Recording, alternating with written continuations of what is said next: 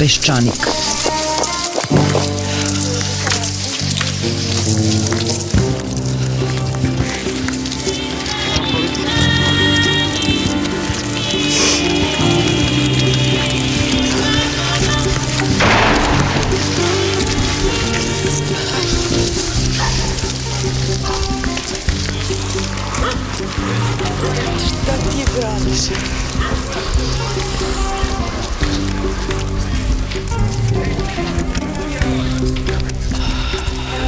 Peščanik.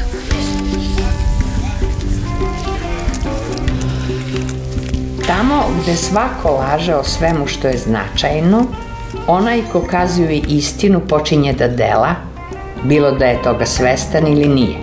Tako se i on upliče u političku delatnost, jer u slučaju da preživi što nije sigurno, on započinje promenu sveta.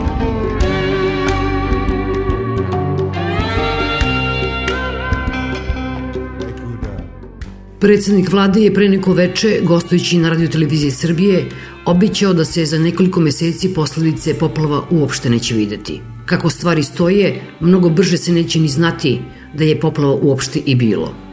Juče je najzad saopštio broj žrtava i naredio da država krene u veliki posao obnove izgradnje.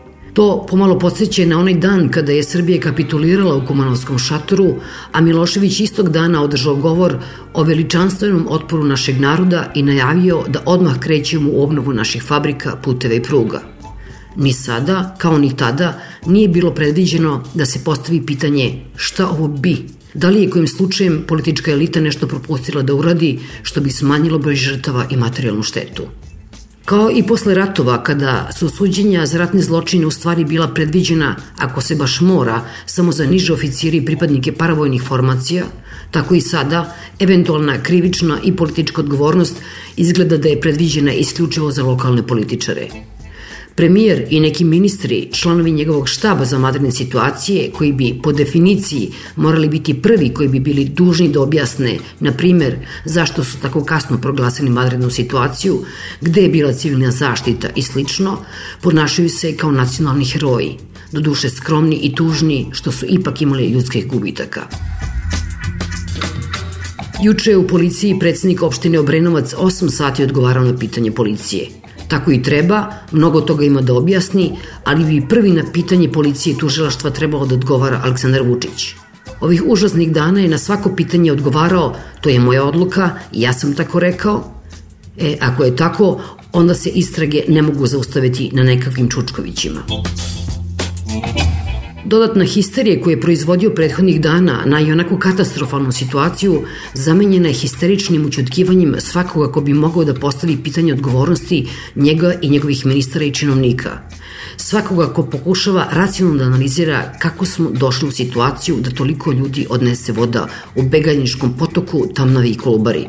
Ne vrede priče o biblijskom potopu, o tome da su ministri ceo dan bili sa svojim potopljenim narodom donosići mu ćebat i vodu – Priča je Tomislava Nikolića da su poplove pokazale da je narod stao u svoju vlast.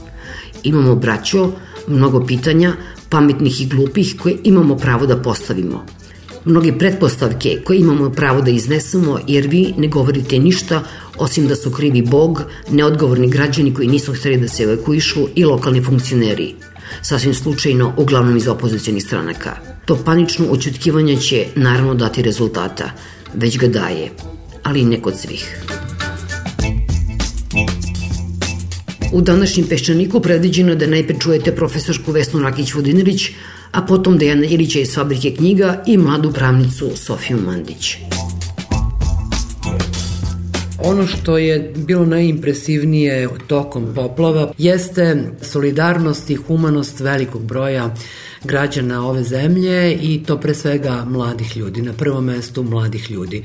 I to je ono što će, verujemo, ostati kao jedna i možda i jedina svetla uspomena na ove mučne, teške, pa može se reći za mnoge porodice i tragične dane poplava. Dakle, to je ono što ostaje kao prva impresija.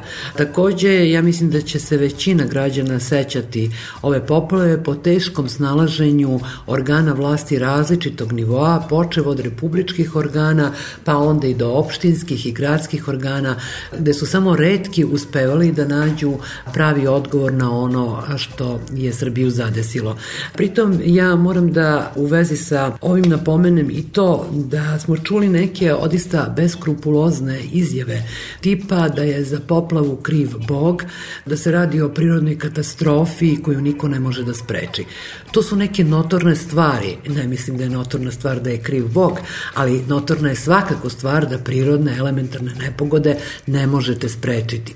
Međutim, postoje elementarne nepogode koje se mogu predvideti, kao što su recimo poplava ili suša velikih razmera i elementarne nepogode koje ne možete predvideti u njih, koliko ja znam spada zemljotres, spadaju recimo padanje meteorita, ali ovo nije nešto što se nije moglo predvideti. Postoje razne organizacije koji se bave predviđanjem, to je recimo Hidrometeorološki zavod Srbije, to su recimo Srbija vode i onda naravno organi koji moraju da vode računa o tome. A koji su to organi određeno je zakonom o vanrednim situacijama? Trebalo bi da preduzmu mere, ako ne preventivne, da spreče poplavu podizanjem brana, nasipa ili njihovim utvršćivanjem, a ono mere spasavanja pre nego što to spasavanje postane suviše teško i takvo da može da košta živote i žrtve poplave i spasioce. E, u tom pogledu, ja mislim, može se govoriti o jednom nemaru države i pojedinih njenih organa. Prvo, mislim da je vanredna situacija proglašena prekasno, da je, da je proglašena najmanje dva dana kasnije nego što je bilo potrebno prema izveštajima Hidrometeorološkog zavoda. Odmah da kažem, nije moje mišljenje da je ova vanredna situacija proglašena sa zakašnjenjem, to je mišljenje našeg zakonodavca. Kada to kažem, ja samo čitam zakon o vanrednim situacijama. On vrlo precizno definiše moment kada se vanredna situacija mora proglasiti, a to je saznanje da preti neposredna opasnost, ili tako, određenom području. To saznanje smo mi imali 14. maja uveče, ako već pre toga niko nije čitao izveštaje Hidrometeorološkog zavoda, dakle, nije jednostavno u tom trenutku usledila promptna reakcija države. Ta promptna reakcija države je potrebna da bi se pre svega smanjile štete koje se tiču ljudskih žrtava. I tu nije dovoljno da vi preko neke lokalne stanice kažete da će nastupiti poplava i da bi bilo dobro i da bi trebalo da se svi evakuišu. Ako u tom trenutku način evakuacije uopšte nije bio organizovan niti od strane opštine, niti od strane države. To znači da vi prepuštate ljudima samim da se snađu, da nađu sredstvo evakuacije, nemaju svi automobil, da nađu čamac ako ne mogu da koriste automobil. Ne, evakuaciju naređuje država i organizuje organizuje država.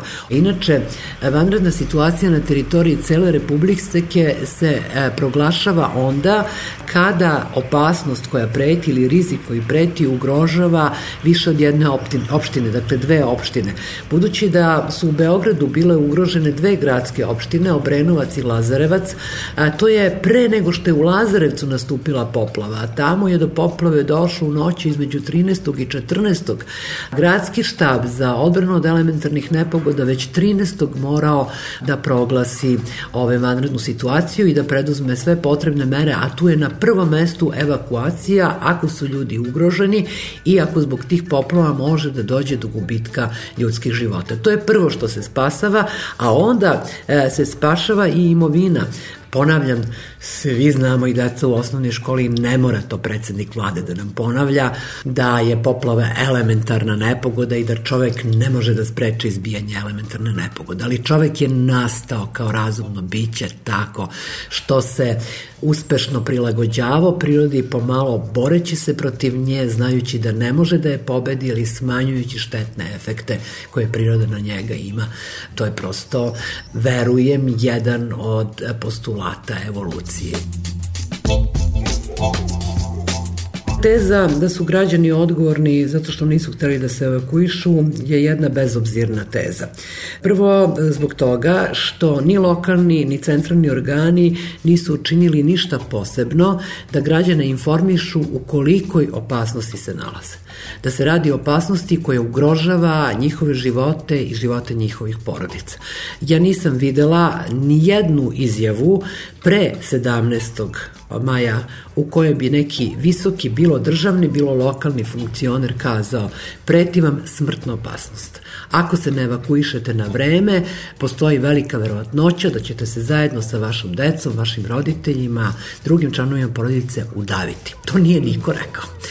Dogod se nije desila ona dramatična sednica da li vlade, da li Republičkog štaba za odbranu od elementarnih nepogoda, to nikad nisam uspela da shvatim, gde je premijer Vučić više prećutkivanjem, uzdisanjem i dramskim pauzama nešto od toga saopštio javnosti Srbije. To se dakle nije desilo na vreme. Jednostavno, to je beskrupulozno i politički neodgovorno svaljivati tu e, odgovornost za štete, za žrtve koje su se desile na građane. Prvo, nisu bili na vreme obavešteni o srazmerama te opasnosti. Takođe, u noći između 16. i 17. koliko možemo da sudimo po izjavama Obrenovčana koji su došli u Srbiji nije bilo organizovane evakuacije, nego je evakuacija opet bila zasnovana na principu e, solidarnosti i humanosti građana koji su bili vični upravljanju čamcima i koji su pokušali da zaštite svoje susede ili su došli iz drugih gradova da pomognu pri toj evakuaciji. Tu postoji razlika, znate, između evakuacije koju organizuju državne ili lokalne vlasti i evakuacije koja se organizuje je na potpuno jedan privatan način i moguće je da neko ko je video da po njega ne dolazi policijski čamac, nego čamac komšije, dobro komšije Pere Perića jednostavno nije smatrao da treba tim čamcem da se evakuiše. Prema tome, sve su to neke važne činjenice o kojima naša vlast ćuti i smatra pojedine građane blesavim zato što neće da spasavaju svoje živote. Ja mislim da kod većine ljudi kod ogromne većine ljudi postoji ono što se zove nagon za samoodržanjem, o kome se i ne razmišlja. Ako se izuzmu Bog i građani kao krivci, ostaje od institucija države, odnosno od nivoa vlasti, ostaje samo lokalna vlast zapravo koja je markirana kao odgovorna. To je neka intencija koliko sam mogla da vidim. Koliko sam ja razumela premijera Vučića, on je rekao da će se ispitivati prvenstveno odgovornost lokalnih organa. Međutim, pravno gledano, mi prvo moramo da pođemo od toga da je vanredna situacija proglašena odlukom Republičkog štaba za vanredne situacije. I budući da je Srbija veoma centralizovana država, u kojoj lokalne samouprave ne samo da nemaju neka naročito velika ovlašćenja, nego nemaju ni materijalna sredstva da se snabdeju onim što je potrebno u katastrofama i teškim elementarnim nepogodama, moje mišljenje da bi čisto pravno, dakle gledano, prvo trebalo ispitati odgovornost centralnih organa, dakle pre svega odgovornost vlade Republike Srbije i Republičkog štaba za vanredne situacije. To je prvo mesto gde se odgovornost ima ispitivati. To bi međutim značilo da se ispituje najpre odgovornost prvog među jednakima, a to naravno mi od Vučića ne možemo očekivati, to bi prevazilazilo sve ono što je on u stanju da učini. Ne do duše ono što je on u stanju da kaže. On je vrlo često da ima običaj da kaže da mi svi znamo kakav je on, iako ja moram da kažem da ne znam, i da će on, da ako imaju nekog da okrive, neka okrive njega. Šta je on time hteo da kaže? Da li da okrive njega zato što on ne može nikom da odgovara i jasno je da neće nikom da odgovara, a ako okrive njega onda dakle ne okrivljuju nikoga drugoga ili je možda hteo da se prikaže žrtvom svojih nesposobnih ministara ili svojih ne znam nesposobnih saradnika i eto prima na sebe rizik te nesposobnosti. Ja međutim mislim da je on zapravo hteo da kaže ono prvo sudeći po njegovom veoma optužujućem i osvetoljubivom tonu kada je rekao ako neko ima nešto da kaže, neka kaže meni pa ću mu ja odgovoriti. I neke od njegovih odgovora, boga mi, mi smo u prilici da vidimo ovih dana. Ti odgovori se tiču područja na kome je on suveren, a to je područje cenzure. Gušenja svakog glasa protiv, to je on dobro uvežbao krajem 90. godina i sada to isto na neki način čini ili emituje potrebu da se to čini, znajući da ima ko će tu potrebu dobro da razume i da sasluša i tu je on u tom području uvežbao stvari. Tu je on onako ekspert. Sada on nije više ministar u nekoj vladi koju vodi Milošević, on je sada premijer. I kao premijer on je jače nego tada vezan ustavom i zakonima ove zemlje. Kada je reč o slobodi govora, kad je u pitanju vanredna situacija, Ustav ne predviđa nikakve mogućnosti ograničenja ljudskih prava, vanrednih ograničenja ljudskih prava, nego to predviđa samo za situaciju vanrednog stanja i ratnog stanja. Prema tome, u vanrednoj situaciji važe ista ona ograničenja kao i u redovnoj situaciji. Svako ima pravo da o toj poplavi, pripisujući je Bogu, neodgovornoj prirodi, neodgovornim ljudima, nesposobnosti ljudi da se prilagode na klimatske promene. Dakle, može da kaže sve ono što misli, podleže stvar samo redovnim ograničenjima, može da kritikuje šta više može biti i kritizera, to je reč koju je upotrebio Nebojša Stefanović, koliko sam ja mogla da vidim prvi put od kada je u Srbiji prestao administrativni socijalizam, a to je bilo davno. Dakle, može da kritikuje vlast onaj ko nije prstomrdno, ko nije figurativno rečeno napunio niti pomerio ni jedan džak, onaj ko nije pozvao telefon 1003, onaj ko nije ništa dao za te poplove, svako to može da radi i vlast to mora da trpi. Druga stvar je da vlast ove zemlje, počev od premijera samog, zapravo sednu, pogledaju svoje izjave i razmisle malo o tome koliko su oni doprineli situaciji stvaranja teorija zavere, nepoverenja, eventualnog povećanja broja žrtvi i tako dalje. E sada, ova vest da jedan broj ljudi ne samo priveden zbog eh, krivičnog dela širenja panike, nego šta više konkretizacija te vesti da su oni privedeni zbog eh, pokušaja krivičnog dela glasi ovako. Osumnjičeni se terete za krivično delo širenje panike i nereda u pokušaju za koje je zaprećena kazna od 6 meseci do 5 godina zatvora, izjavio je danas Tanjugu, tužila za visokotehnološki kriminal Branko Stamenković. Pročitala sam nedavno po ko zna koji put krivični zakonik i član 343 krivičnog zakonika uređuje, reguliše to krivično delo širenje panike i nereda. Pre svega tu e, razlikujemo osnovni oblik i teži oblik ovog krivičnog dela.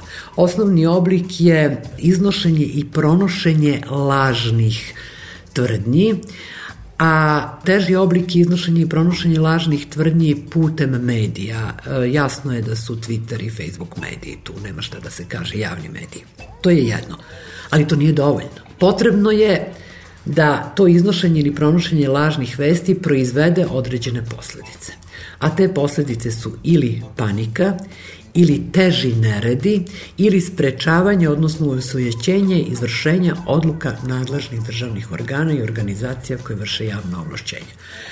I sada vi vidite da je ovde određen pritvor do 30 dana zbog sumnje da je izvršeno krivično delo u pokušaju Dakle, ono što se nije moglo dokazati i pokazati jeste da je nastupila panika, da je nastupio nered većih razmera ili da je sprečen ili osujećen izvršenje odluka državnih organa. Ali ovo je prvi put koliko ja pratim, jel tako da se zbog krivičnog dela širenja panike nekome određuje pritvor i to zbog pokušaja tog krivičnog dela. Dakle, pravno tako. Stoje stvari. Tako da sam ja uverena da hapšenje i pritvaranje ljudi čak do 30 dana, ne 48 sati, ono da daju nekakvu izjavu, predstavlja pokušaj zastrašivanja. I to ne pokušaj zastrašivanja samo ljudi i građana koji koriste medije kao što su Twitter i Facebook, nego pokušaj zastrašivanja raznih medija, uključujući tu i zastrašivanje vašeg medija, medija čiji ste vi urednik.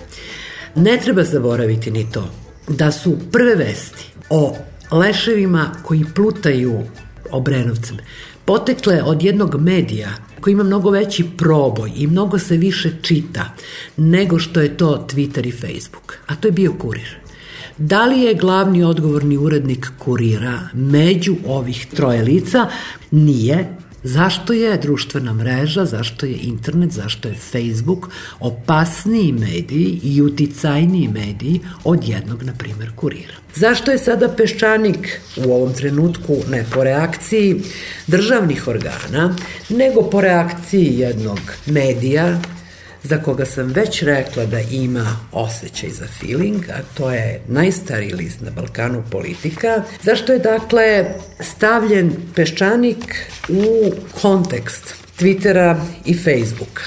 Twitter i Facebook nemaju impresum, nemaju glavne i odgovorne urednike. Peščanik ima impresum, evo ja razgovaram s jednom od urednica Peščanika i sada šta list sa osjećajem za feeling ima da kaže o peščaniku. Izražujem se tom riziku da će me smatrati pristrasnom peščaniku zato što često pišem i govorim za njega. A često pišem i govorim za njega zato što nikad niko nije pokušao da me cenzuriše.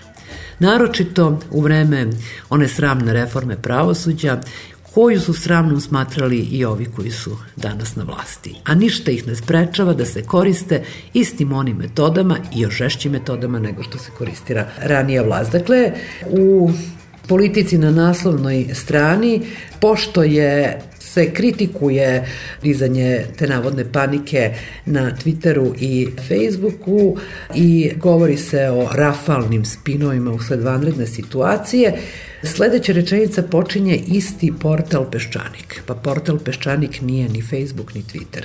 I onda dalje teče na, tako da kažem, citiranje pojedinih delova nekih članaka, čiji autori na Peščaniku imaju svoje ime i prezime, ali se ovde iz nekog razloga ne identifikuju, nego se to sve pripisuje istom portalu Peščanik koji pripada toj tako strašnoj plejadi Facebookovaca i Twitteraša.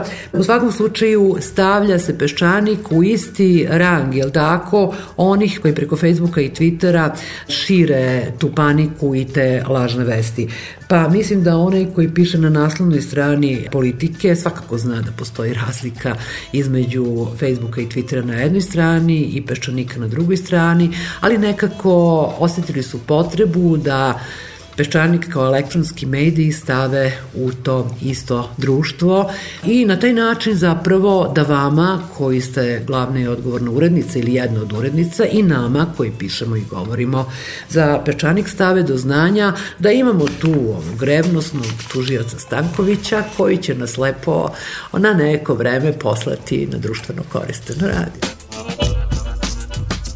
Videla sam da je opozicija ili ono što je od nje ostalo u Skupštini tražila da se o poplavama raspravlja i onda smo juče prilikom debate o izmenama jednog zakona u Skupštini mogli da vidimo da je kao jedna posredna reakcija na taj zahtev počela debata povodom prebacivanja jednog dela sredstava iz Republičkog zavoda za zaštitu, za zdravstvenu zaštitu, Republički zavod za penzijsko osiguranje, tu smo mogli zapravo da vidimo jednu debatu koja nema veze sa tom odredbom e, zakona, nego više ima veze sa odnosom poslanika koji pripadaju vladajućoj političkoj stranci, pre svega njih, dakle Srpskoj naprednoj stranci, prema ne tako davnoj prošlosti Republike Srbije.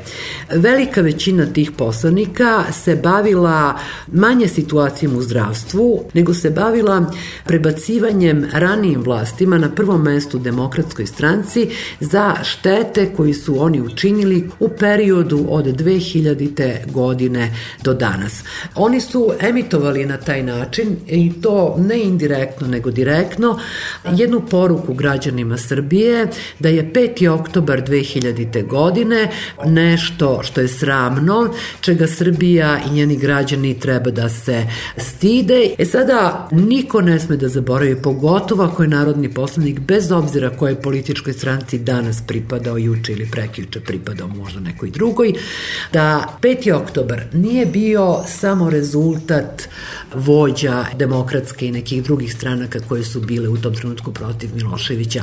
Bez građana ove zemlje zemlje, bez velikog građa, broja građana ove zemlje, koji jednostavno više nisu mogli da podnesu to gušenje autoritarizmom, tu dekadenciju, to propadanje društva koje je prouzrokovala tadašnja vlast, su jednostavno odlučili da izađu na ulice, da pruža otpor i da kažu ne. Mi tako više nećemo. I sada kada ti poslanici Srpske napredne stranke nastupaju tako, treba da znaju da oni ne nastupaju tako protiv demokratske stranke i njenog predsednika, ma kako se on zvao. Oni nastupaju protiv jedne civilizacijske tekovina koje velikom broju građana nešto znači. Ono što se desilo posle 5. oktobra je bilo nešto što ti građani nisu ni očekivali, niti se tome nadali. Uspelo je da se vlada Zorana Đinđića sruši tako što je on ubijen. Na njega je izvršen atentat. Vlasti koje su došle posle toga, bilo da su se plašile da ne prođu isto kao što je prošao Đinđić. Bilo zato što su smatrale da jednostavno je posle neke pobede ne građana, nego tih vlasti sada vreme da oni uživaju plodovima te pobede, pa su razvili i usavršili Miloševićevu korupcijsku mrežu. I to što se dešavalo sa stanovišta naš, nas građana jeste izneveravanje te srpske i civilizacijske tekovine koje mi zovemo 5. oktober. Prema tome, ljudi kada osporavaju činjenicu da je 5. oktobar jedna istorijska tekovina društva Srbije. Oni idu protiv velikog broja građana. I to pokazuje da retorika proevropskog tipa Vučića moguće je potpuno iskrena, ja to ne mogu da isključim. Zapravo, nije prodrla do njihovog članstva, da se njihovo članstvo u velikoj meri jer tu su i poslanici, zapravo nalazi na onim istim pozicijama na kojima se Srpska radikalna stranka nalazi ne danas, nego 90. godina. E sada, ja ne znam ništa u strojstvu te stranke, ali to može da ostavi utisak. Ajde, mi čelnici stranke ćemo ići sa tom proevropskom retorikom, nam ništa drugo nije preostalo, na kraju krajeva na tome su dobili, smo dobili izbore, a vi koji niste toliko istureni, možete da date oduška onome što stvarno mislite. I to je onda, to je osporavanje zapravo nečega zbog čega je Srbija danas prihvaćena u svetu. Da toga nije bilo, tog 5. oktobra, mislim da je svakom jasno da Srbija nikad ne bi mogla da bude kandidat za ulazak u EU i da koristi tu evropsku solidarnost, između ostalog sad i za ove poplave i taj imovinski izraz te evropske solidarnosti. E sad, možda i to što premijer predlaže da Marko Blagojević upravlja sredstvima koje se dobiju na ime pomoći građanima koji su u popravljenim područjima ostali bez svoje imovine. Govori o tome, o toj nekoj svesti da se ipak u njih nema dovoljno poverenja ili koliko ja znam Marko Blagović je nestranačka ličnost. Ali da sam na njegovom mestu Takvu ponudu nikad ne bih prihvatila, zato što na taj način vlada skida odgovornost sa sebe, a novac se uplaćuje na račun vlade. Mislim, sve ono što bi se možda moglo kao prigovor staviti vladi, sada će pasti na njegovo leđo. Da li će ova situacija koja je stvorena kao posledica poplava pa i samo stanje naših svesti za vreme te poplave dovesti do lične vlasti? Mislim da to uopšte nije pitanje, već je dovelo. Na kraju krajeva mogli smo svi da vidimo, pošto je to bio direktan prenos, kako se predsednik vlade odnosi prema ministrima u svojoj vladi. Tretiranje ministarke Mihajlović, koja je iz Srpske napredne stranke, ona je bila tretirana na toj sednici kao da je dispečer autobusa. I ona je to prihvatila, nije ništa rekla.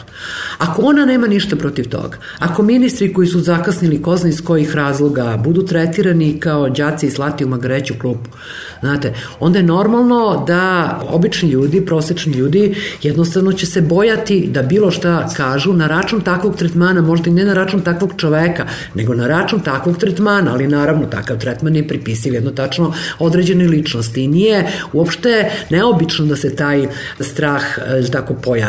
E sada, naravno, patnjama koje je ova poplava izazvala, Taj strah na koji se računalo je razbijen, jer kada ste u situaciji da nemate ništa, da ste ostali bez sve, svega, da ste spasli živu glavu i vi i vaša porodica ili možda neki od tih ljudi nisu spasli sve članove svoje porodice, taj strah je kod njih na neki način razbijen. Sada se pokušava naknadno različitim merama, kao što je ovo zastrašujuće učinjeno samo radi zastrašivanja, određivanja pritvora ovaj, zbog širenja panike.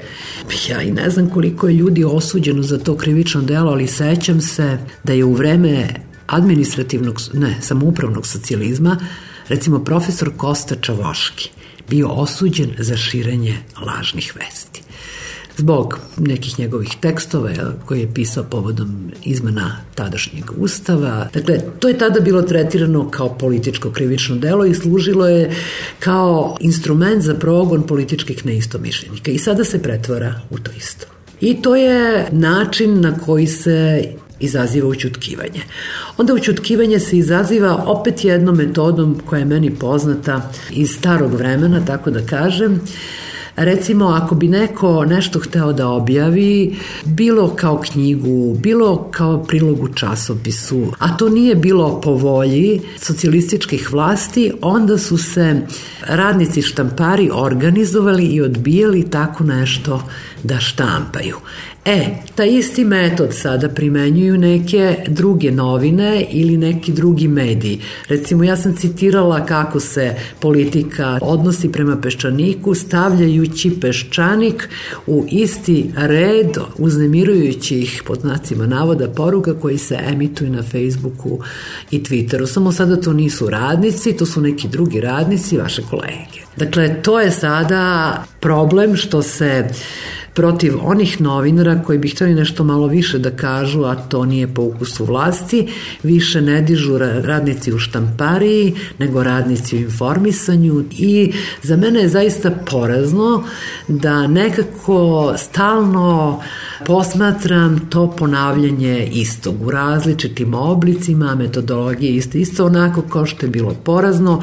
Gledati kako vlade u 2000. godinama posle Đinđića, dakle od Koštuničine vlade preko vlasti Borisa Tadića zapravo koriste sve one iste poluge koje je koristio Miloševićev režim, a na koje smo mi zaboravili. E sada, budući da je naš premijer bio deo tog Miloševićevog režima, bio je ministar, za koje je veliki broj ljudi verovao da se nije samo prešminkao, promenio imidž i sledio uputstva onih koji ga obučavaju za javni nastup, nego da je zaista odlučio da prihvati nekakve evropske vrednosti, a u njih spada i 5. oktobar, to je jedan deo, ne samo srpske, nego i evropske civilizacije. Dakle, sada se to ozbiljno dovodi u sumnju. Your own personal Jesus Someone to hear your prayers Someone who cares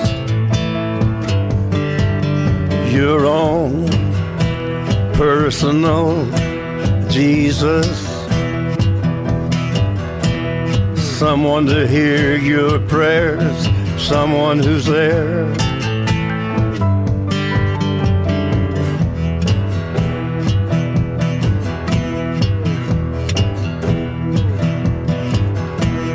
Feeling unknown and you're all alone, flesh and bone by the telephone. Lift up the receiver, I'll make you a believer. Take second best, put me to the test. Things on your chest, you need to confess. I will deliver, you know I'm a forgiver.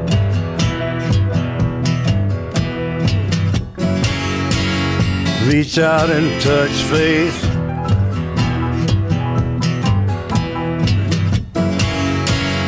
reach out and touch faith. Your own personal Jesus. Someone to hear your prayers, someone who cares. your own personal Jesus. Someone to hear your prayers, someone to care.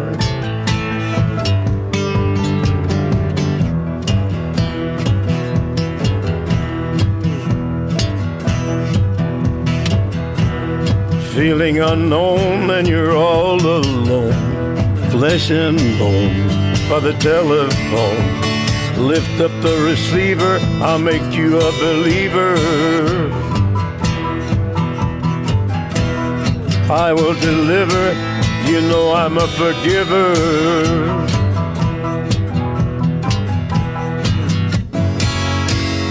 Reach out and touch faith.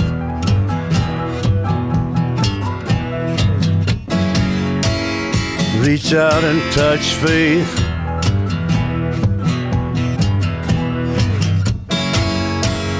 Reach out and touch faith.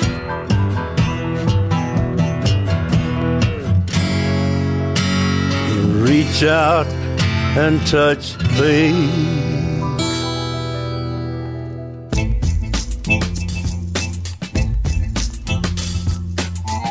Kako mi uopšte sliku imamo o tome što se dogodilo?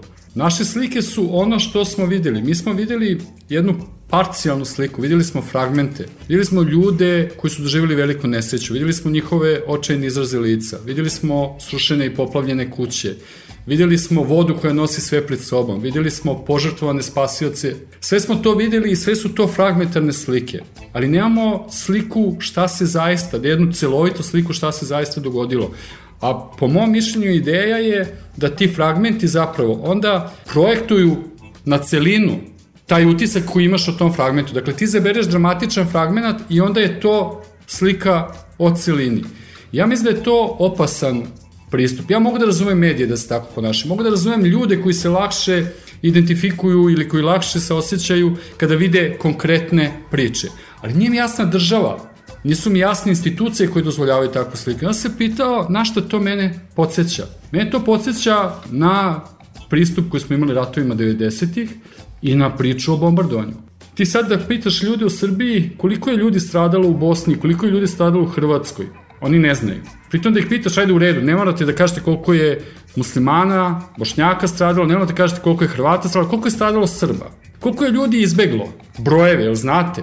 Najveći broj ljudi ne zna. Kada pričamo, i to smo sad vidjeli kad se obeležavala opet godišnica NATO bombardovanja, opet je krenula polemika koliko je bilo žrtava. Mi ne znamo broj žrtava. I pritom ovo ja sad ne izmišljam. Rađena su istraživanja javnog mnjenja gde se pokazuje da ljudi tokom celih 2000-ih nemaju nikakvu predstavu o tome šta se desilo 90. Dakle, niko nije u stanju da govori u činjenicama. Recimo, ne znaju kad su počeli ratovi, kad su se završili, ne znaju žrtve, ne znaju koliko je ljudi rasli. Ništa se od toga ne zna, ali postoji slika. Ta slika se bazira na nekakvim pojedinačnim utiscima o pojedinačnim događajima, koji su bili dramatični, koji su bili strašni i onda se to projektuje na se, ali Ja razumem na nivou pojedinca da se to radi, ali na nivou države, na nivou institucije to je praktično nedopustivo. Zašto se to radi? Pa zato što nama iz nekog razloga kad nam se daju konkretne činjenice to ne izgleda uverljivo. To nam je nekako malo. Kad ti nešto možeš da prebrojiš, to više nije ni biblijski, nije ni hiljadugodišnje, nego ima nekakve razmere, ima početak i kraj. Dogod to nema nikakve granice, dogod je to nešto što je potpuno razobručeno, ti nemaš odgovornost za to, ne moraš ništa da preduzmeš. I ne samo to, time se najlakše manipuliše, jer time direktno ideš na osjećanja. Ako sad ja recimo se pokažem kao jedna racionalna osoba koja bi htjela da kaže, ali dajte mi ljudi činjenice, dajte mi nekakve ukupne podatke, da vidimo koje su to razmene nesreće, pa da vidimo šta treba da uradimo. I onda si ti bezosećajan, hladan, nemaš trunku ljudskosti, to je meni nekakav pokazatelj za ono što sam osjećao praktično od prvog trenutka, da postoji nekakva jasna paralela između ovoga što se događalo u ovim poplavama i onoga što se događalo 90-ih pa do jeli, samog kraja. Dakle, ove poplave dobijaju razmere NATO bombardovanja. Otprilike to je ta neka paralela i ja mislim da će one ostati upamćene po ovim pojedinačnim pričama i pojedinačnim nesrećama, a da će nam se zapravo sve vreme sklanjati iz vidokruga ukupne razmere te nesreće. E sad, ajde da vidimo da li ipak iz svih podataka koje smo imali, da li može da se rekonstruiše šta se u stvari dogodilo. Ja sve podatke koje ću navoditi sada su uzeti sa sajta vlade. I ovako otprilike ide. Sreda je prvi dan kada počinju kiše, to je 14. maj. Na sajtu vlade imamo samo podatak o tome da je poplavljeno Valjevo, ali je MUP isključivo MUP zadužen jeli da tu nešto preduzme. Već četvrtak popodne stvari dobijaju ozbiljnije razmere, tad već se vidi kuda to vodi. Dakle, vi možemo da kažemo u sredu još uvijek nije imalo nikakve predstave o tome, niko tamo ko je zadužen za to da predviđa nije imao blage veze šta će se dogoditi. U četvrtak već postaje jasno da su stvari poprilično ozbiljne i počinju da izlaze prvi podaci. Mi u četvrtak imamo podatak da je evakuisano 3367 ljudi. U petak 16.5. imamo podatak da je evakuisano 6175 ljudi. U subotu 17.5. 15.475. U nedelju 16.300 i sad pogledaj, ponedeljak 25.070 ljudi. Ti vidiš kako ta nesreća dobija ogromne razmere i kako ti ipak možeš kroz ove podatke nešto da vidiš otprilike kako to izgleda. E sad, isto tako može da se prati jedan drugi podatak koji meni bio važan, koliko je domaćinstva ostajalo bez struje. Jer po tome možeš da vidiš koliko je kuća, zgrada, koliko je porodica ili već kako bismo to nazvali, dakle domaćinstvo, koliko je bilo zahvaćeno tom nepogodom. I onda imamo u četvrtak 85.000 domaćinstava, u subotu 95.000, u nedelju 78.000, a u ponedeljak 26.000. Zašto su važne ove brojke?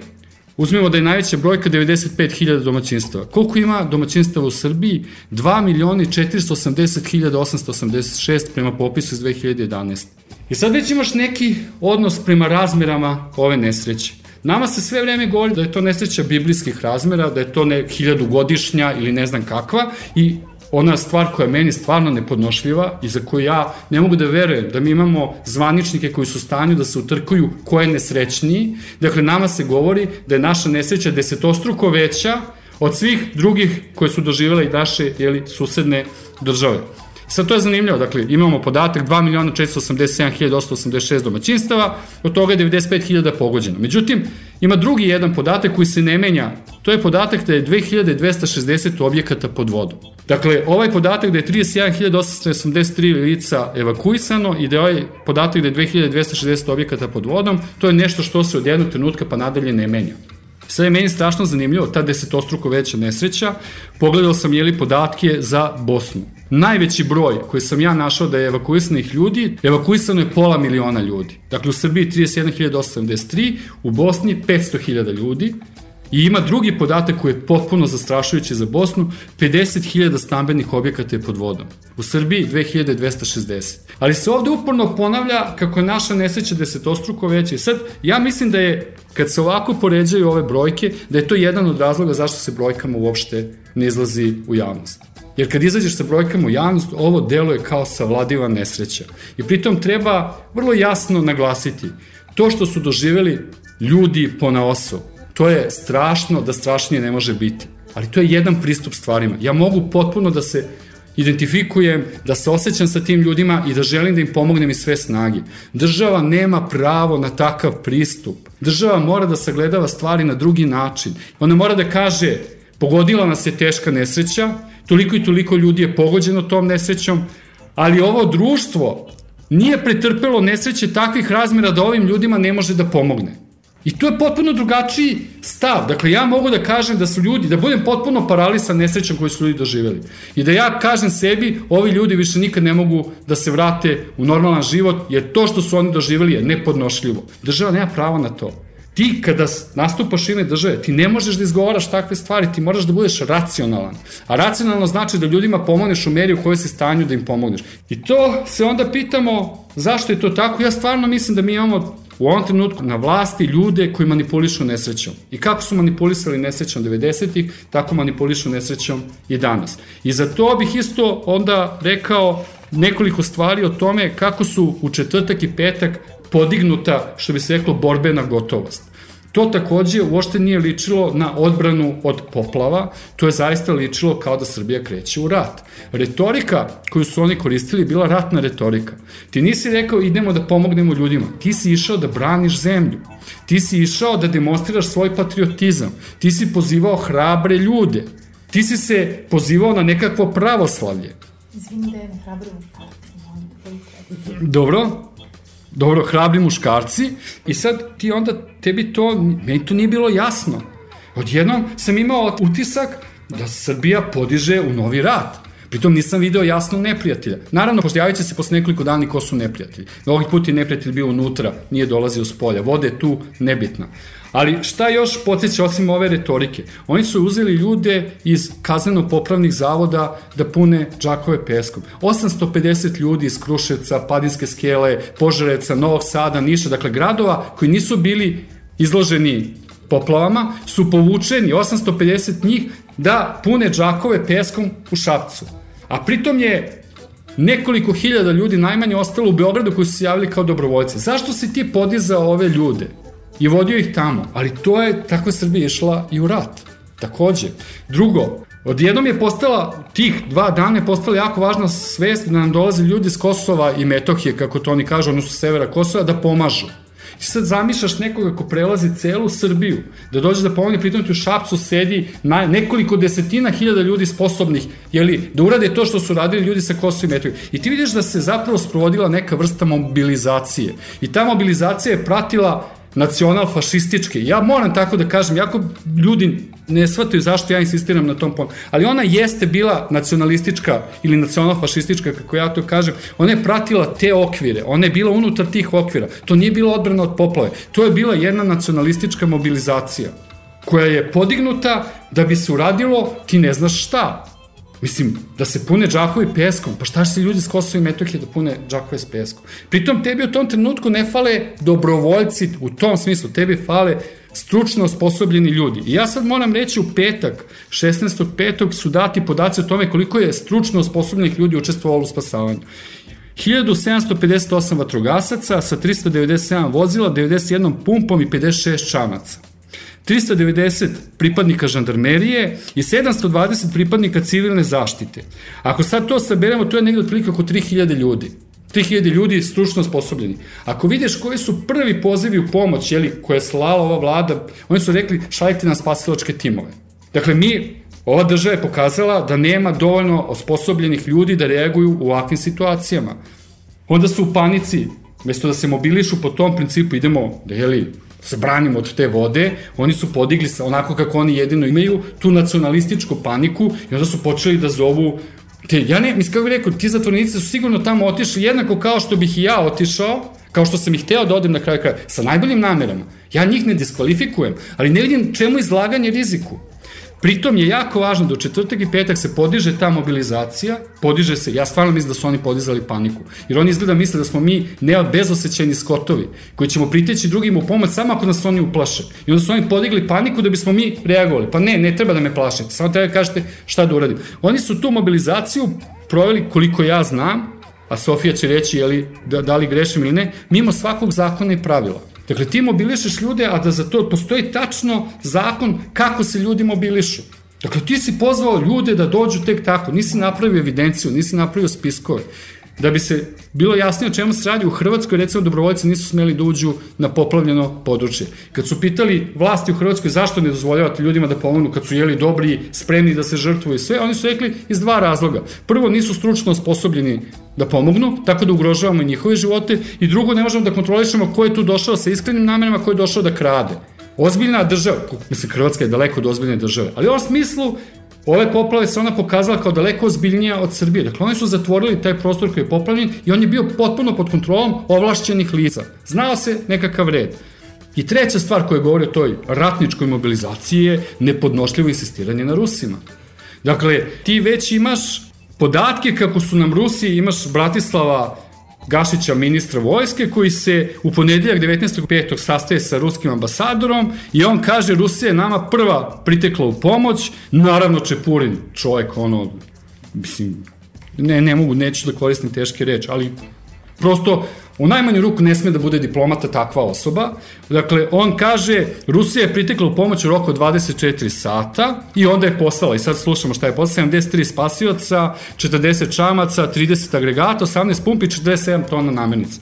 Šta god to bilo. I sad Gašić u na istom tom sastanku, kad se on zahvaljuje Rusima, kaže još i to, mi se zahvaljujemo Rusiji za pomoć, a i za principijalnu podršku Rusije teritorijalnom integritetu Srbije. Kakav teritorijalni integritet? Ti pričaš o poplavama i pomoći koje ti neka zemlja poslala. Pritom, 16.5. to je petak, 16.5. Dakle, ovako ide vest. Nekoliko sati nakon što je Srbija zatražila pomoć od EU-a, dakle od Evropske unije, Nemačka, Bugarska, Austrija i Slovenija su ponudile pomoć. Dakle, par sati pošto je odavde otišlo zvanično. Dakle, kakva priča o Rusima i samo Rusima. Ono što je potpuno neverovatno, nije bio dovoljan ministar, nego imamo 23. petog, to je već petak, to je već nedelju dana od tog najjačeg i najstrašnijeg dana, jeli petka 16. Vučić upućuje pismo zahvalnosti Rusiji. Dakle, prisustvo Rusije u celoj ovoj priči je potpuno nesrazmerno onome što se događalo. I kad sve to sabereš, ti da Srbija išla u rat i da se ova vlada ponašala kao vlada koja je u ratu. To što je naš neprijatelj u jednom trenutku bila voda, a od jednog trenutka su to postali unutrašnji neprijatelji koji stoji šire dezinformacije ili ne znam šta već sve rade pa ometaju ovu vladu, to je potpuno nebitno. Tako da, da mislim da je to nešto što ne ostavlja dobar utisak. I sad ako bismo teli da to analiziramo, šta smo videli? Prvo smo videli da je ovo država koja nije spremna ni za jednu ozbiljniju nepogodu. Dakle, o nekakvoj prevenciji, o nekakvoj spremnosti da se odbrani od ovakvih stvari, o to nema više ni govora. I ovo nam je to jasno pokazalo. Ali mi smo to već znali. Mi smo znali da kada ti slupaš državu u 90-ima, da ne možeš da je podigneš za 10 godina. Dakle, mi smo znali da ova država nije u stanju da se, ne daj Bože da zadesi neke zemlje, da se nešto, to stvarno ne znamo šta bi bilo. Ako smo sad izvukli neke pouke, pa sad oni krenu da se pripremaju i da razvijaju te sisteme odbrane, odlično, ali sumnjam. Dobro, dakle, nismo spremni. Da li imamo ljude koji su racionalni, koji su u stanju da reaguju takve situacije? Nemamo. Da li imamo ljudstvo koje je osposobljeno? U redu, nemaš kapacitete ove materijalne, nemaš kanale, nemaš ustave, nemaš sve to, nemaš čamce, pa moraš ljudima da uzimaš čamce iz marina, jeli, da bi vozio tamo jer nemaš čime da spasaš. Dakle, sve to je, a možda imamo osposobljene ljude. Pokazalo se da nemamo njih. Da li imaš racionalne ljude koji su u stanju da donose racionalne odluke u teškim situacijama? Pa nemaš ni to. Dakle, ja mislim da je najveća greška njihova bila one otvorene sednice vlade. Ja ne znam, oni su verovatno izmerili koliki je tu uticaj bio, ali, ali ta sednica vlade te je pokazala, ja mislim da je to bio ključni motiv za ljude da se samo organizuju. Jer kad su to videli, rekli su ako mi sebi ne pomognemo, od ovih nam nema pomoći. Dakle, sve nam se to pokazalo i u sve to nam se pokazalo da se matrica nije promenila, da je matrica ostala ona iz 90-ih. Ali ti si sad slupao državu, ostao bez resursa, krećeš se u istom idejnom okviru, a potpuno si nesposoban da reaguješ nešto što je potpuno drugačija vrsta opasnosti, drugačija vrsta događaja, samo po sebi. Ja mislim da su to sve bile poprilično obespokojavajuće stvari koje smo mi videli i uopšte me ne iznenađuje ova priča koju bismo mogli nazvati nekom vrstom izlaska iz krize, gde oni sad pokušavaju da stvari potpuno skrenu, da pažnju skrenu na nešto sasvim drugo. Mi imamo talase hapšenja Čim su prošli dani žalost, mi imamo talase hapšenja, imamo dakle hapšenje u Pirotu gde su uhapšene, i to je užasno zanimljivo, u, u, oni su uhapsili ginekologi iz Doma zdravlja, u Domu zdravlja više nema ginekologa i žene više ne mogu da idu na pregled. Dom zdravlja pust, jer nemaju lekara. Dakle, onda su hapšenja zbog galenike, koja, pazi, ali ti galeniku taj proces traje već ne znam koliko i ti sad si našao da uradiš tu, ne znam šta je sledeći korak i imamo Danas, čini mi se, privođenje 16 osoba u Novom Sadu, a za 9 osoba se traga. I to, ne znam, malverzacije sa sekundarnim sirovinama. Ti vidiš kako oni skreću potpuno pažnju na to i imamo, dakle, Nikolića koji jedinim nacijama vraća sad priča o Kosovu ponovo i imamo strahovit pritisak na ljude koji nisu izvan ovih zvaničnih medija, koji su se usudili da kažu nešto što se razlikovalo od onoga što smo slušali od zvaničnika. To je s jedne strane, s druge strane da se oni javno žigošu. I ti sad, dakle, imali smo vodu, ali voda je nekako nezgodan neprijatelj. Jer neko je smešno da kažeš mi ratujemo protiv vode. Ali sad smo dobili neprijatelje jeli, koji imaju glavu i telo, to su ovi koji su govorili jeli, nešto drugačije i ti vidiš kako se oni javno žigušu i kako se bes ljudi preusmerava ka njima. Moram priznati da sam ja prva dva, tri dana bila i moj prvi tekst se i odnosio na situaciju koju ja isto kao i svi jurišam u halu sportova da nešto pakujem. Prosto ta emotivna reakcija je bila prva koja je došla ovaj, ali kao što je Dejan rekao, mi na tu vrstu reakcije kao građani imamo pravo, dok zvaničnici na to nisu imali pravo.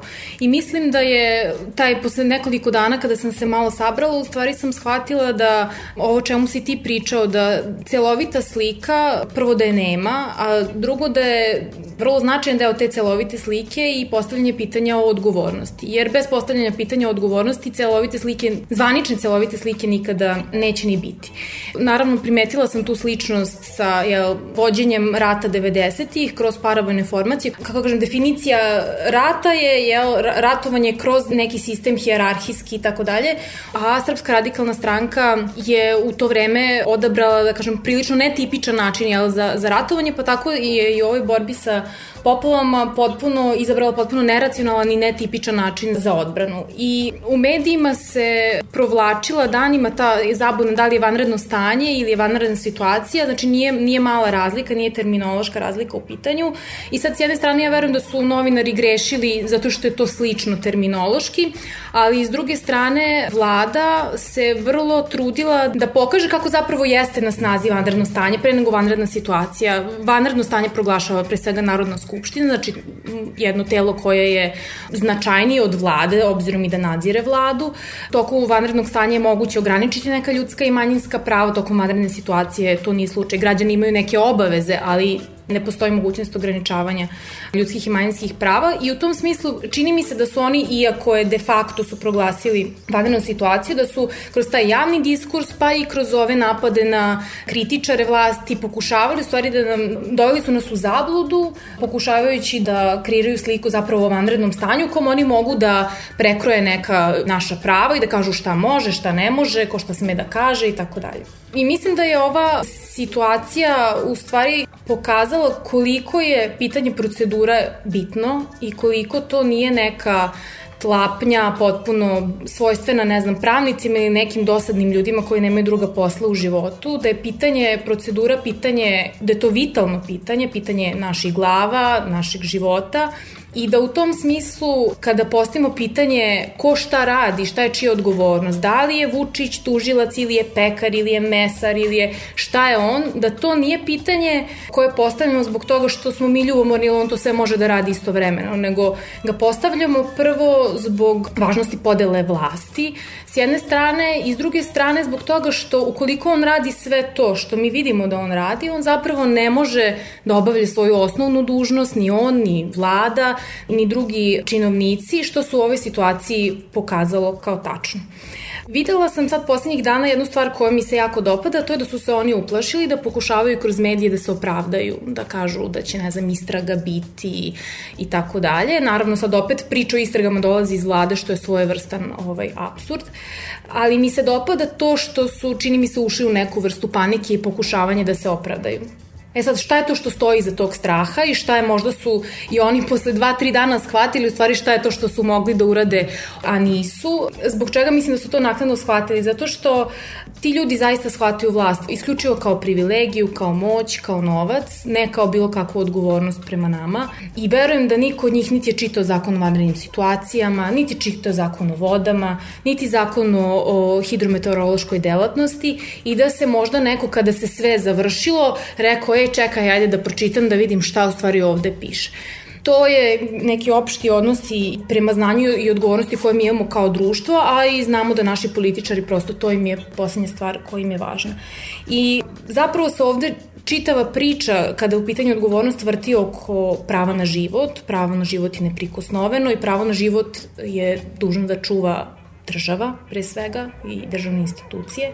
I u vanrednoj situaciji je tačno određeno ko koju dužnost ima i to pre svega zakonom o, o vanrednim situacijama. Postoji ne, neko subsidijarno zakonodavstvo, kao što sam rekla zakon o vodama, o hidrometeorološkoj delatnosti, ali zapravo je zakon o vanrednim situacijama najvažniji. On se, da kažem, pali onog trenutka kada se proglašava vanredna situacija i onda oni koji su zakonom određeni preuzimaju te svoje na neki način nove uloge. I videla sam se postavilo pitanje u medijima gde je tu, da li sad to krivična odgovornost, politička, da li tu, znači gde je tu sad granica između jednog i drugog, da li su krive prošle vlade koje nisu obnavljale brane, koje nisu čistile kanale i tako dalje. I mislim da ono može tu važno da se kaže da ja mislim da postoji jasna granica, da je užasno besmisleno reći da su na bilo koji način za izgubljene živote odgovorne prethodne vlade koje nisu, što je tačno, ulagale u te vodne objekte, izgradnju nasipa, brana i tako dalje. Prosto iz jednog jedinog razloga. Vlasti su naravno na to bile obavezne, ali zakon o vanrednim situacijama ne kaže da sve obaveze iz njega stupaju na snagu ukoliko su brane izgrađene, a kanali očišćeni i tako dalje. One, te obaveze za nadležne stupaju na snagu bez obzira kakvo je stanje tih objekata, bez obzira koja je količina kiše pala i tako dalje. Znači, njihova dužnost je bila da ljude upozore na opasnost, da ljude evakuišu, da evakuišu sav živi svet, čak i životinje, imaju, imaju na to čak obavezu po zakonu, da zaštite štite imovinu, da ljude zbrinu i da su u stanju da finansijski pokriju sve troškove toga, obzirom da postoji pretpostavka da su odgovorni za bilo kakav propust u tom lancu. Te u tom smislu ja bih na stranu stavila to pitanje brana, nasipa, čišćenja kanala, već e, stavila u fokus zakon o, o vanrednim situacijama i činjenicu da pre svega mislim da je to užasno bitno reći da vanredna situacija nije proglašena na vreme. Republički hidrometeorološki zavod je i po zakonu o varenim situacijama i o hidrometeorološkoj delatnosti dužan da vladu i krizni štab da li je to opštinski ili republički zavisi od, od razmera te opasnosti koje dolazi, on je dužan da ih obavesti. I dužan je da obavesti javno, što smo mi videli u utorak, mislim da je to bio u pitanju 13. maj. Znači, mi smo videli obaveštenje koje je otišlo u javnost. Možemo pretpostaviti da ako ono otišlo u javnost, da je najverovatnije otišlo i u vladu, odnosno u krizni štab. To bi se kroz neku istragu lako moglo, moglo utvrditi. Dakle, oni su odgovornost sa sebe je u tom smislu skinuli. Nakon toga, vlada čeka još praktično tri dana Iako je iz tog izveštaja jasno da postoji neposredna opasnost od elementarne nepogode, odnosno od strahovite količine kiše i proglašava vanrednu situaciju kada su najmanje dva grada već potpuno pod vodom. Dakle, vanredna situacija morala biti proglašena onog trenutka kada su bili dostupni podaci da do toga potencijalno može doći. Te u tom smislu, to je ovaj, to što sam napisala u tekstu, to nije od formalnog značaja, nego zaista od suštinskog, jer je sve drugo moglo biti urađeno bolje, brže, upravo zbog toga što u trenutku proglašenja vanredne situacije stupaju ove nove uloge zvaničnika na snagu. Dakle, sem toga što nije proglašena na vreme, nekoliko načela i zakon o vanrednim situacijama, znamo da su načela prosto ona ne daju nikakvu obavezu nikome, već više govore o nekom duhu zakona i tako dalje. Vama je, jasno vam je koliko ima sati kad pročitate načela i jasno vam je da su ona sva prekršena. Pa tako recimo načelo preventivne zaštite, ono je temelj i ovog zakona i nacionalne strategije o spasavanju u vanrednim situacijama. Sve se čini kako do situacije spašavanja i gubljenja života ne bi došlo. Znači, država čini sve da predupredi situaciju u kojoj smo mi na kraju i došli. Što se tiče načela javnosti, takođe, ono u potpunosti prekršeno jer su ljudi do dana praktično kada im je voda ušla u gradove držani u neznanju da im se to može dogoditi. Niko nije od građana dužan da ide na sajt hidrometeorološkog zavoda ili da redovno čita vesti i na taj način čuva svoju glavu, već su nadležni bili u obavezi da ih o tome obaveste. I načelo javnosti kaže da je su nadležni dužni da obaveštavaju građane ne samo o opasnosti, već i o delovanju, znači onome što oni preduzimaju dok situacija traje i tako dalje, što opet nismo videli, već je zbog toga i došlo do ovih spekulacija šta se dešava, ko je na terenu, kako, e, ljudi su došli u stanje opšte panike, između ostalog toga što nisu bili obavešteni o tome šta se zapravo dešava, što bi ih donekle i umirilo. Izvini, Sofija, ali bez obzira kada se oglase, recimo, sirene sirena u Obrenovcu 5 ujutru i otprilike sirena kaže bežite. Da. Vada je trebalo da imaju informaciju ljudi pre toga, a gde bežim u stvari? Naravno. I šta ja radim Naravno. u, u takvoj situaciji? Naravno. Tu isto postoji jedna ovaj, zamena teza, ja mislim ne, ne slučajna. Konkretno u Obrenovcu do evakuacije nije došlo. U Obrenovcu došlo do spasavanja. Znači, evakuacija se odvija u preventivne svrhe. Onog trenutka kad vanredna situacija bude proglašena, a ona može biti proglašena od strane vlade, da to raščistimo, može biti strane, proglašena od strane vlade kad je u dve opštine postoji ta neposredna opasnost od elementarne nepogode, a može biti proglašena i od strane lokalne samuprave, odnosno od strane, u slučaju Beograda, gradonačelnika, jer je Beograd jedinica lokalne samuprave, a ne Obrenovac. Dakle, kada je u pitanju to neproglašavanje vanredne situacije postoji podeljena odgovornost, odnosno postoji odgovornost i gradonačelnika Beograda i Republičkog štaba za vanredne situacije. Dakle, nije došlo do uzbunjivanja i do evakuacije na vreme, zapravo do evakuacije nije došlo uopšte, već je došlo do čina spasavanja, što se nama kroz opet ja, medijski izveštaje, zapravo se to od nas krije, jer bi onda ljudi pitali pa ok, a zašto nije, nije došlo do evakuacije? To bi onda praktično značilo da ako 15.5. imamo 3367 evakuisanih, da ovaj broj do 31.873 koji imamo utorak, da su to zapravo ljudi koji su spasavani, a ne evakuisani. Tako je. Evakuisanih je bilo u Šapcu, u nekim selima, znači oni su ljudi sklonjeni pre nego što je voda nadošla, na, na kraju se ispostavilo i da nije da su neki mali delovi bili poplavljeni, ali to jeste svrha evakuacije, da se posle ljudi bezbedno vrate u svoje kuće i da do poplave zapravo i ne dođe. I zanimljivo je u kontekstu ovoga što si ti spominjao Šapca i tog paničnog poziva da ljudi odu tamo i da pomognu. Recimo, načelo postupnosti pri upotrebi snaga i sredstava kaže da će se prvo koristiti snage i sredstva sa teritorije jedinice lokalne samouprave.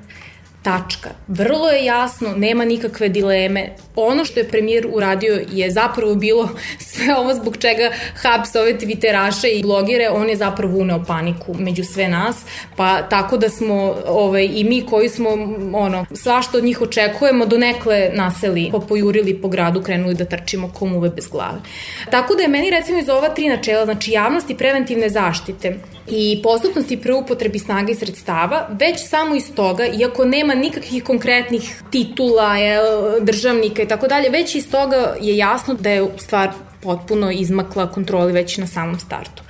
E sad, što se tiče dužnosti vlade, i to je u direktnoj vezi sa pitanjem mobilizacije, ko je trebao da pomogne i tako dalje, jedna od osnovnih dužnosti e, vlade, odnosno Republičkog štaba za vanredne situacije u kojem sedi dosta ministara, čiji je komandant premijer, je bio da izvrše mobilizaciju civilnog stanovništva, odnosno da aktiviraju sistem civilne zaštite i mi njega imamo, iako su ljudi došli zapravo u situaciju da veruju da ga nemamo, da žale za tim kako u Titovo vreme ipak civilna zaštita postaje, tako da. I sad razlozi za to neverovanje da ga imamo su dva. Prvo što ljudi nisu bili imobilisani, a drugi je što obuke nema ni od korova. A takođe prema zakonu je država dužna da kroz obrazovni sistem, kroz osnovni i, srednjoškolski obrazovni sistem ljude obučava za ovako nešto, takođe i kroz, ajde kažem, firme, preduzeća, sve ono gde odrasli ljudi rade, gde bi trebalo da se podsete nečega što su naučili u školi i tako dalje. Tako da sad, s jedne strane, Republički štab za vanredne situacije je propustio A. Da proglasi vanrednu situaciju na vreme, B.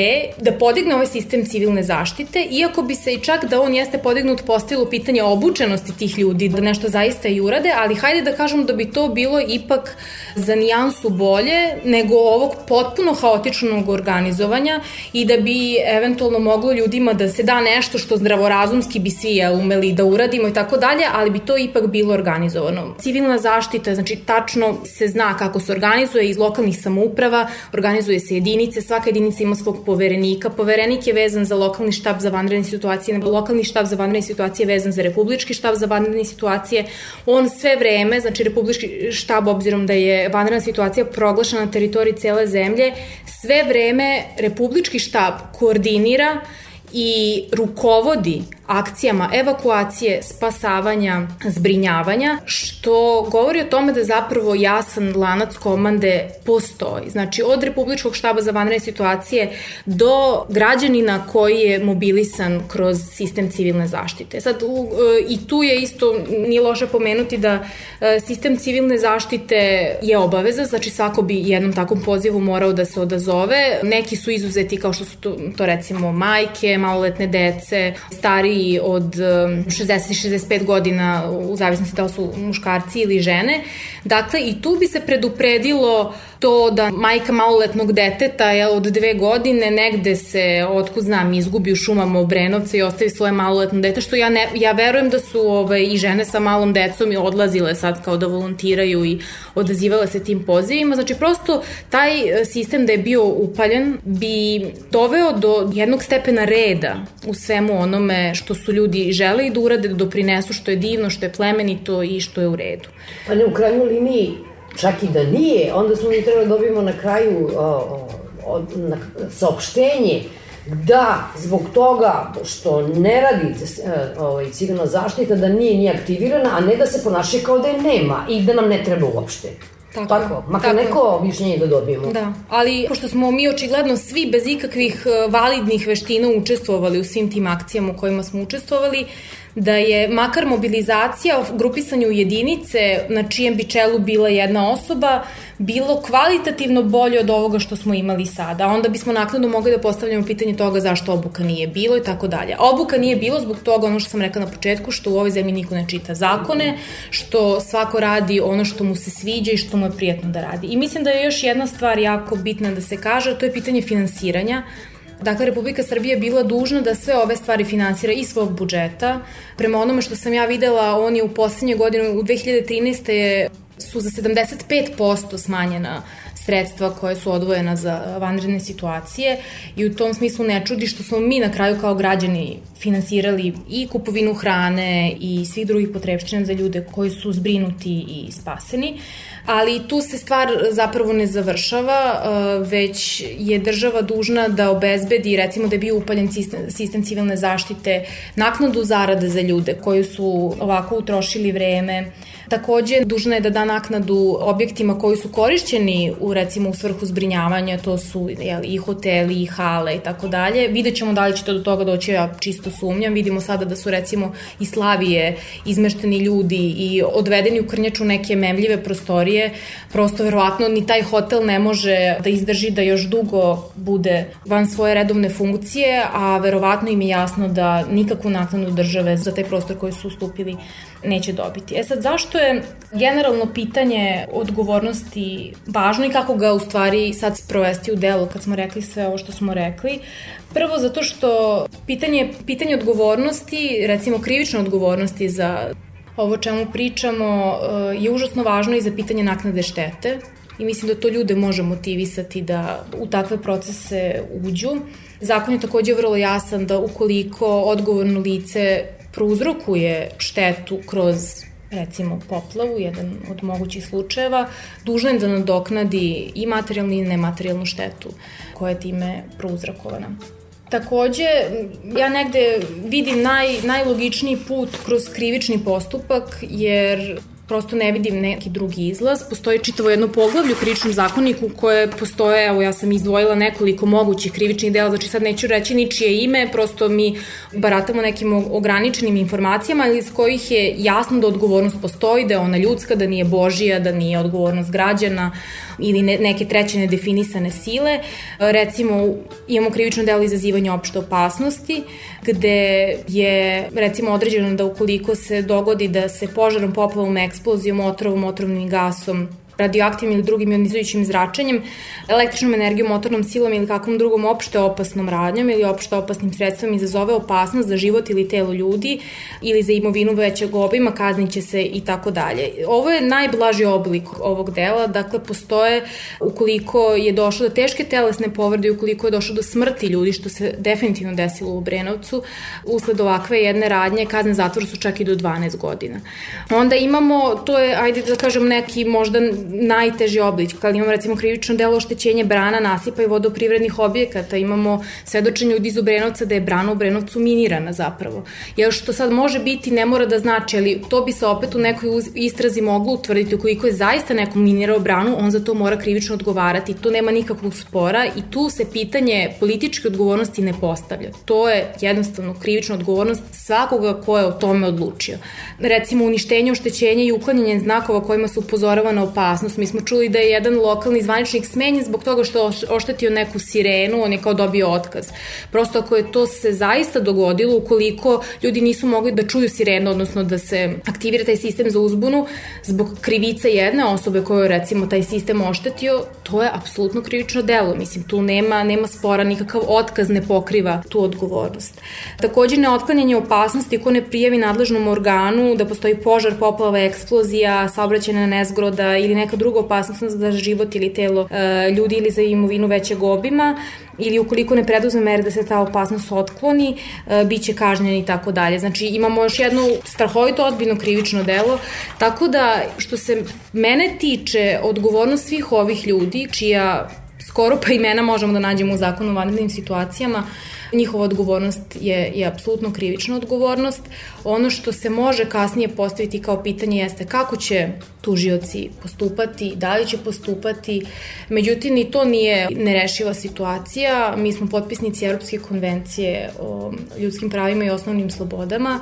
Ukoliko bi neko podneo krivičnu prijavu protiv, recimo, gradonačelnika Beograda zbog jedne od, znači, apsolutno zavisi u kojoj je situaciji ta osoba, šta je izgubila, koga je izgubila i tako dalje, ali evo, hipotetički, ukoliko bi neko krivično gonio gradonačelnika Beograda, ukoliko javni tužilac ništa ne bi uradio da tu stvar istraži, ta osoba bi direktno mogla da se obrati Evropskom sudu za ljudska prava zbog toga što član 2 Evropske konvencije koji garantuje pravo na život e, zapravo to se kroz praksu suda pokazalo da, da sud tako tumači da je svaka država obavezna da istraži situaciju kojima je potencijalno propustila da izvrši neke svoje e, zakonom predviđene obaveze. Tako da Čak i u slučaju da naši tužioci, kao što znamo da inače oni su previše hrabri i agilni, mi imamo neki dalji put, odnosno ti ljudi imaju neki, neki dalji put zaštite, a ta zaštita bi im donela i pravo na naknadu ogromne štete koje im je naneta. Sad imamo tu strahovitu borbu da se zapravo prikaže nemogućnost spašavanja ljudi i imovine kao nemogućnost da se spreči kiša da padne, što je potpuno, kako kažem, te dve stvari nisu ni u kakvoj vezi. Kiša će pasti, pa će pasti, jer niko je još nije sprečio. Država imala obavezu da spreči poplave, a ako ni to nije bilo u stanju, da li zbog toga što je ta količina kiše tako bila ozbiljna ili zbog toga što su naši sistemi za zaštitu od poplave tako loši, sve jedno i jedno i drugo je sada bilo u pitanju. Dakle, ako je do opasnosti od poplave došlo, država je morala, to je, to je njena osnovna obaveza bila da spasi ljude i da zaštiti imovinu. I samo što se tiče političke odgovornosti i pravne odgovornosti, vlada će biti dužna da sazove posebnu sednicu Narodne skupštine i da ovome raspravlja. Ona je to po zakonu dužna i vidim ali da je nova su, stranka... Ali Srpska napredna stranka već rekla da nije vreme za debate. Da, i to, to sam videla, videla sam i da je nova stranka, ovaj, Jesu, odnosno, stranka, ovaj, da, da su tražili i da prosto mislim da bi trebalo ići ne samo usmenim zahtevima, nego nekim zvaničnim zahtevima, zvaničnim kanalima, tražiti tako takvu raspravu i da bi u tom nekom formatu trebalo raspravljati o političkoj odgovornosti. Znači ne bi trebalo raspravljati, ne znam, preko informera, preko, znači tome služi Narodna skupština i tu bi trebalo razgovarati o tome šta se dogodilo, kakvi su bili propusti i tako dalje, ali da kažem u toj jednoj političkoj areni. A sve drugo, mislim da mora završiti na sudu, prosto mislim da ćemo mi onako, kako kažem, mi smo na toliko polja poraženi. Ako sada dozvolimo onako, ako tako jeftino da kažem, pređemo preko, neka bude i 40 ljudi koji su izgubili živote. Ako se zaista ni protiv koga od njih ne povede ozbiljan postupak, onda mi, ovo što Dejan kaže, mi zaista nismo ni, ni, ni zaslužili bolje. Priča o političkoj odgovornosti ima svoje mesto, ali da ovde postoji i politička odgovornost i, i pravna, prosto to jedno drugo ne potire. I ta priča o negde je to bilo dva, tri dana pre nego što je ukinuta vanredna situacija, ta priča o sunčanom Obrenovcu je meni zanimljiva. Kad sam čula na, na RTS-u da se priča o tome kako je Obrenovac onako veselim glasom, Obrenovac je sunčan, ljudi su izašli da prošetaju koji su valjda tamo ili koji više ni ne znam ko je tamo, znam da je bilo zabrano ulaske i tako dalje, ali eto kao otprilike stvari se vraćaju u normalu. Meni je to već bio signal da ćemo mi sad imati strahovitu borbu medija da se ovo što pre zaboravi. S jedne strane to u stvari neka šizofrenija. S jedne strane da zapamtimo da to bude izgovor za naredni godinu i godinu i po dana kao što su protekli dve godine razne stvari bili izgovori. Znači da se stalno vraćamo na to da smo mi bile strana. Velika nesreća, velika nesreća, mi smo velike žrtve i to treba dobro da zapamtimo, a s druge strane da se ove stvari koje su direktno vezane za odgovornost vlade i drugih nadležnih što pre zaboravi. Tako da nekako te ove emotivne slike o kojima je Dejan pričao što duže pamtimo, a da pitanje odgovornosti što pre zaboravimo i svako ko čita medije, ko gleda medije će biti u velikoj opasnosti da u stvari tome podlegne, jer je to sa, ti, sa svih strana dolazi, prosto čovjek ne može, ne može da se odbrani. I mislim da, da je samo ova situacija bila otrežnjujuća da shvatimo koliko zapravo to što spada u dome njihove političke odgovornosti, koliko je tanka ta ivica po kojoj se oni kreću i kako to lako u stvari postaje pitanje naših života, na svega onoga što imamo i da tu stvari kad ono, kad kažete ljudima, ne znam, pa ljuta sam zbog ovoga ili zbog onoga, pa vidi šta rade, oni kažu, ma dobro, šta se nerviraš, ajde, dok je glava na ramenima i tako da je, da u stvari to je igra u kojoj vrlo lako više glava nije na ramenima. Da je to samo pitanje trenutka ili elementarne nepogode ili stice okolnosti gde ta užasna politička neodgovornost postaje njihova krivična odgovornost i gde mi gubimo sve što imamo uključujući i život.